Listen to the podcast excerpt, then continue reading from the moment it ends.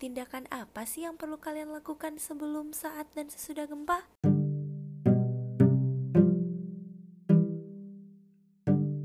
Halo, jangan di skip, jangan di skip. Ransel Siaga episode 1 akan menemani kalian loh. Banyak informasi bermanfaat yang sudah disiapkan hanya untuk kamu. Oh iya, sebelumnya dia mau ucapin Happy New Year buat teman-teman Siaga di rumah. My God bless your 2021 better than 2020. Oh iya, sebelum lanjut bahas pembahasan di episode satu kali ini nih, dia mau tanya, apa sih resolusi terbesar kalian di 2021? Semoga seluruh resolusi, cita-cita, dan angan-angan kalian di 2021 ini dapat tercapai ya, dan goals-goalsnya juga dapat terrealisasi. Amin. Kita doa bareng-bareng ya. Sebelumnya dia mau throwback sedikit nih. Apa aja sih yang udah kita lewati di tahun 2020 banyak hal ya. Mulai dari tren TikTok yang merajalela terus juga ada macem-macem. Tiba-tiba semua orang ngocok dalgona karena kan kita tahu kan dari awal tahun kemarin memang kita ini sedang diancam oleh pandemi COVID-19 It's tapi memang uh, awal tahun kemarin itu agak sedikit miris ya. Mana udah disambut covid terus juga disusul oleh bencana-bencana lainnya yang memang sampai saat ini menurut data BNPB itu udah tercatat sebanyak 1453 bencana terjadi di Indonesia sejak awal tahun 2020 kayak banyak banget gitu bencananya. 1453 itu gak bukan angka yang kecil gitu. Nah tapi di sini kalian juga harus tahu nih teman-teman, kalau faktanya hampir seluruh wilayah di Indonesia itu memang daerah yang rawan bencana dan apalagi nih seperti yang akan kita bahas hari ini yaitu bencana gempa bumi. Kenapa sih wilayah di Indonesia bisa dikatakan wilayah yang rawan terhadap bencana gempa bumi? Nah, hal ini itu dikarenakan Indonesia merupakan negara yang berada di atas cincin api dunia. Apa sih cincin api cincin api dunia? Kalau nggak tahu nih, biasanya waktu pelajaran geografi itu sering disebutin kalau misalnya Indonesia itu berada di atas ring of fire. Nah, itu maksudnya cincin api dunia. Nah, juga selain itu memang Indonesia ini banyak banget gunung berapi aktif. Maka dari itu, sebagai orang Indonesia nih kita nih memang harus mempunyai edukasi yang cukup mengenai gempa bumi. Kenapa? Biar kita tuh nggak gegabah saat bencana terjadi, khususnya gempa bumi ya, seperti yang akan kita bahas di episode kali ini karena memang banyak sekali orang-orang di luar sana yang belum teredukasi dengan cukup. Ketika, uh, ketika ada gempa bumi apa sih yang harus kita lakukan?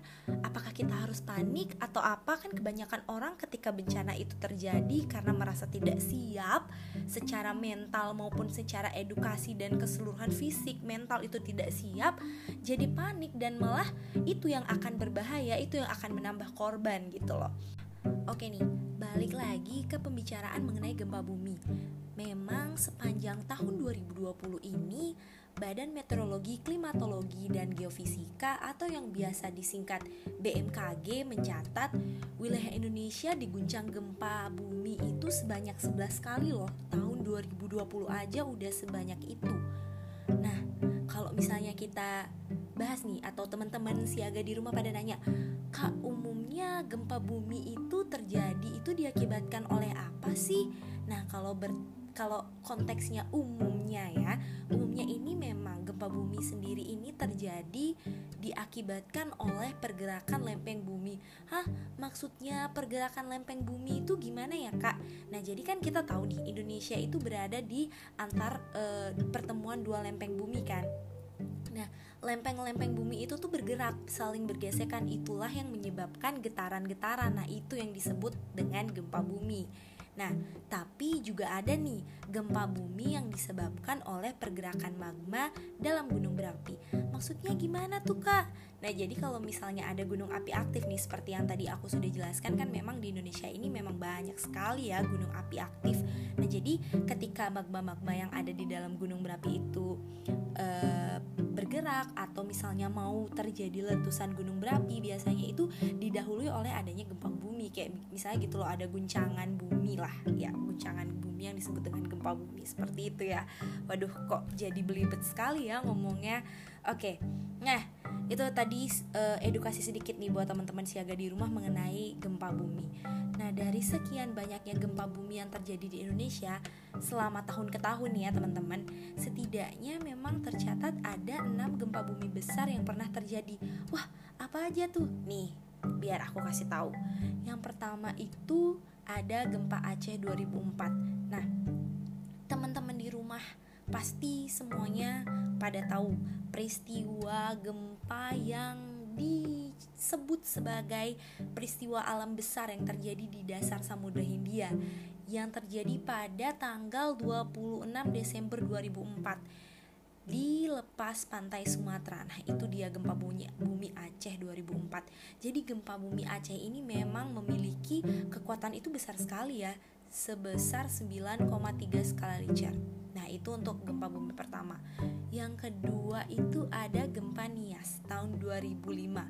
Tepatnya terjadi pada 28 Maret tahun 2005 pukul 23.09 waktu Indonesia Barat.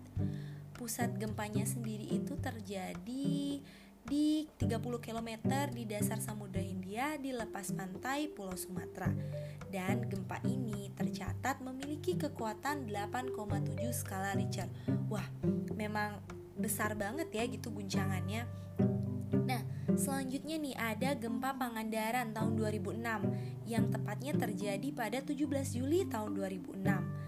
Gempa ini mengguncang Pulau Jawa, tepatnya di lepas pantai Pangandaran, Jawa Barat, dan memiliki kekuatan 7,7 skala Richter. Oke, kemudian lanjut ada gempa Yogyakarta yang terjadi pada 27 Mei 2006, kurang lebih pukul 5 lebih 55 waktu Indonesia Barat. Gempa ini tuh berlangsung selama 57 detik. Kemudian ada gempa Yogyakarta di tahun 2006. Nah, tepatnya yang terjadi pada tanggal 27 Mei tahun 2006 dan terjadi kurang lebih pada pukul 5 lebih 55 menit waktu Indonesia Barat dan gempa ini berlangsung selama 57 detik dengan kekuatan 6,3 skala Richter. Kemudian yang kelima ada gempa Padang tahun 2009 tepatnya terjadi pada 30 September. Nah, gempa ini mampu meluluh lantahkan kota Padang dan sejumlah kota lain di Sumatera Barat dengan kekuatan gempa 7,6 skala Richter. Oke, lanjut. Yang terakhir ini baru terjadi tahun 2019 kemarin, yaitu gempa Donggala Palu gempa bumi ini terjadi pada Jumat tanggal 28 September 2019 dan terjadi beberapa kali guncangan memang dan gempa paling kuat itu tercatat memiliki kekuatan e, sebesar 7,4 skala Richter yang terjadi pada pukul 18 lebih 2 menit waktu Indonesia Tengah. Kemudian gempa ini juga langsung diikuti oleh gelombang, gelombang tsunami yang melanda pantai barat Pulau Sulawesi bagian utara. Nah, seperti itu teman-teman. Nah kan, seperti yang kita tahu nih, yang namanya bencana alam itu memang tidak mungkin dapat kita lawan atau dapat kita tundukkan sebagai manusia. Alih-alih kita harus merasa panik, terus kita kayak ngerasa yaudahlah pasrah aja. Sebaiknya kita tuh harus tetap waspada dan siaga loh teman-teman jika sewaktu-waktu gempa bumi itu terjadi. Nah, maka dari itu sebenarnya apa aja sih yang perlu kita siapkan sebelum, saat, dan setelah gempa terjadi? Kalian udah pada tahu belum? Kalau belum tahu, jangan ke mana-mana ya, karena sebentar lagi Day akan berbagi tips dan trik untuk kalian teman-teman siaga di rumah agar lebih siap siaga sewaktu-waktu terjadi bencana gempa. Let's go to the list. Oke, yang pertama, sebelum gempa terjadi. Sebelum gempa terjadi itu ah, emang kita perlu ngapain sih kak? Ya udah gitu. Kalau misalnya gempanya belum jadi ya udah ngapain kita harus siap-siap segala atau gempanya juga gak tahu kapan terjadi? It's jangan punya pemikiran seperti itu ya. Seperti yang udah aku bilang tadi kita tuh nggak bisa tuh yang namanya meramalkan atau misalnya kita tuh nggak bisa melawan kehendak atau bencana alam seperti itu. Jadi e, sebelum terjadi gempa itu kita memang harus udah prepare gitu loh sebelumnya biar lebih siap lagi sebelum menghadapi gempa teman-teman. Nah oke okay, yang pertama sebelum terjadi gempa apa sih yang harus kita lakuin? Oke okay, usahakan kalian itu uh, apa kalau misalnya kalian membangun rumah itu atau rumah yang kalian tinggali itu konstruksinya juga harus kuat atau tahan gempa. Ini juga akan membantu kalian loh. Misalnya rumah kalian akan tetap kokoh dan e, tidak membahayakan orang-orang yang tinggal di dalam rumah ketika gempa itu terjadi.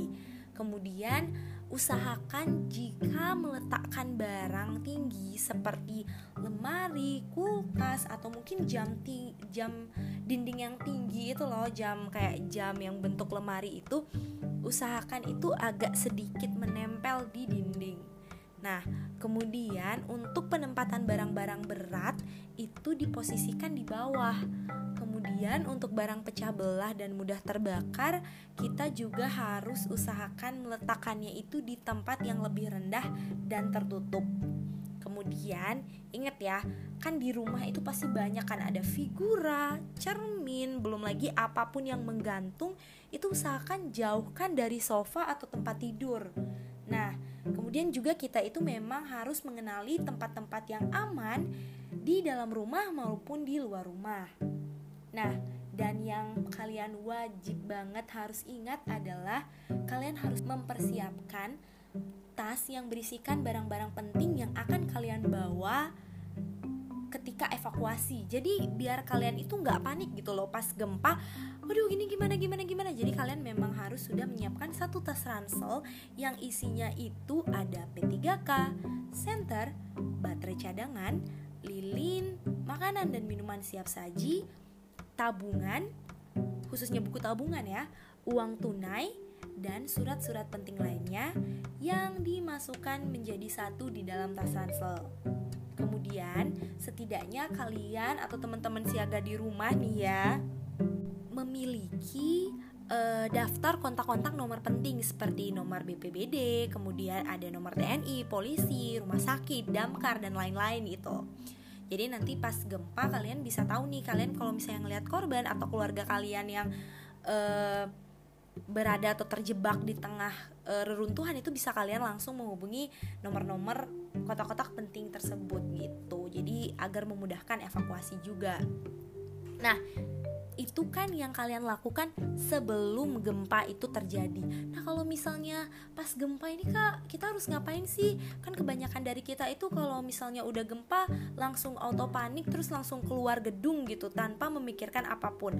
Nah, jadi memang hal yang paling harus kalian lakukan itu yang pertama itu kalian memang harus tetap tenang dan jangan panik. Kalau misalnya kalian udah panik udah buyar aja semuanya. Jadi tetap tenang aja. Oke gempa. Karena kalian sebelumnya udah prepare sebelumnya tuh. Oke gempa. Gue harus bawa ransel dan harus meninggalkan rumah. Jadi kayak harus berpikir jernih juga. Jangan panik. Intinya kalau misalnya kalian temen-temen siaga itu panik semuanya buyar dan bisa-bisa juga kalian akan celaka gitu loh Nah, itu pertama tadi jangan panik. Kemudian berlindung di bawah meja atau lindungi kepala dengan bantal. Jadi e, kalau misalnya kalian ngerasa nggak bisa nih, kalian ngerasa takut nih buat keluar karena guncangannya e, cukup kuat gitu. Kalian bisa tuh berlindung di bawah meja yang menurut kalian kokoh atau sambil kalian keluar itu kalian bisa e, lindungi kepala kalian dengan bantal atau boneka setidaknya e, yang empuk lah ya Nah, kemudian ketika kalian e, berada di rumah itu usahakan tetap jauhi benda-benda yang mungkin akan menimpa kita gitu. Seperti misalnya gelas yang kalian taruh di rak-rak atau piring-piring terus kemudian ada jendela kaca dan lemari. Itu pokoknya kalian hindari itu. Pokoknya jauhi area-area yang e, ada benda yang kemungkinan akan menimpa kalian kemudian jika kalian sedang berada di gedung jangan gunakan lift, namun gunakan tangga darurat. Dan jika kalian sedang di luar rumah, jauhi gedung, pohon, papan reklame, dan lampu jalan atau jaringan berkabel. Jika Anda sedang berkendara, maka menepi dan tetap tinggal di mobil. Ingat, kalau kalian e, menepi dan tetap tinggal di mobil, menepinya itu tetap harus menghindari ya yang tadi seperti pepohonan, jembatan, dan juga hal-hal yang mungkin kalian bisa e, jatuh tepat di atas mobil kalian gitu loh. Nah, nih, misalnya nih pas terjadi gempa, kalian itu terjebak di dalam reruntuhan. Apa sih yang harus kalian lakukan ini nih? Yang banyak mungkin dari kalian yang belum tahu. Yang pasti ketika kalian tertutup reruntuhan itu kan kalian uh, susah ya terdengar uh, oleh tim-tim evakuasi. Jadi yang harus kalian lakukan adalah kalian harus tutup mulut kalian. Itu itu fungsinya adalah biar debu-debu halus itu tidak uh, masuk ke saluran pernafasan dan dan mengganggu atau menghambat pernafasan kalian. Kemudian juga kalian harus memunculkan suara, tapi bukan suara teriakan ya. Misalnya kalian itu berada di gedung atau misalnya di runtuhan apa kalian usahakan menendang-nendang sesuatu atau mungkin memukul-memukul sesuatu yang bisa menghasilkan suara gitu biar nanti tim evakuasi mudah untuk mengetahui posisi kita. Dan yang terakhir adalah apa sih yang sebenarnya harus teman-teman siaga lakukan setelah gempa bumi terjadi? Sebenarnya ada beberapa hal nih teman-teman. Di antaranya kalau misalnya ada gempa pertama kita harus tetap waspada akan gempa susulan. Jadi tetap harus uh, pas gempa jangan langsung lagi masuk rumah gitu loh. Kalian tetap harus waspada dan pantau berita. Siapa tahu nanti ada prediksi gempa susulan gitu loh. Terus kalian juga harus memantau berita melalui radio atau televisi. Kemudian tetap nih yang tadi jauhi benda-benda yang bisa menimpa kalian dan ketika ada korban bantulah korban yang terluka atau terjebak. Nah tadi kan kalian punya nih nomor-nomor. Misalnya kalian udah simpen nih nomor-nomor penting seperti BPBD, TNI, Polri, rumah sakit. Kalian bisa menghubungi nomor-nomor tersebut untuk membantu kalian dalam proses evakuasi. Nah, teman-teman siaga di rumah gimana nih? Sekarang udah merasa lebih tahu dan siap ya mengenai bencana gempa bumi karena tadi kan memang kita banyak nih ngebahas mengenai gimana cara menyiasati gempa bumi, terus juga apa yang harus kita lakukan sebelum, saat dan sesudah gempa dan banyak lagi.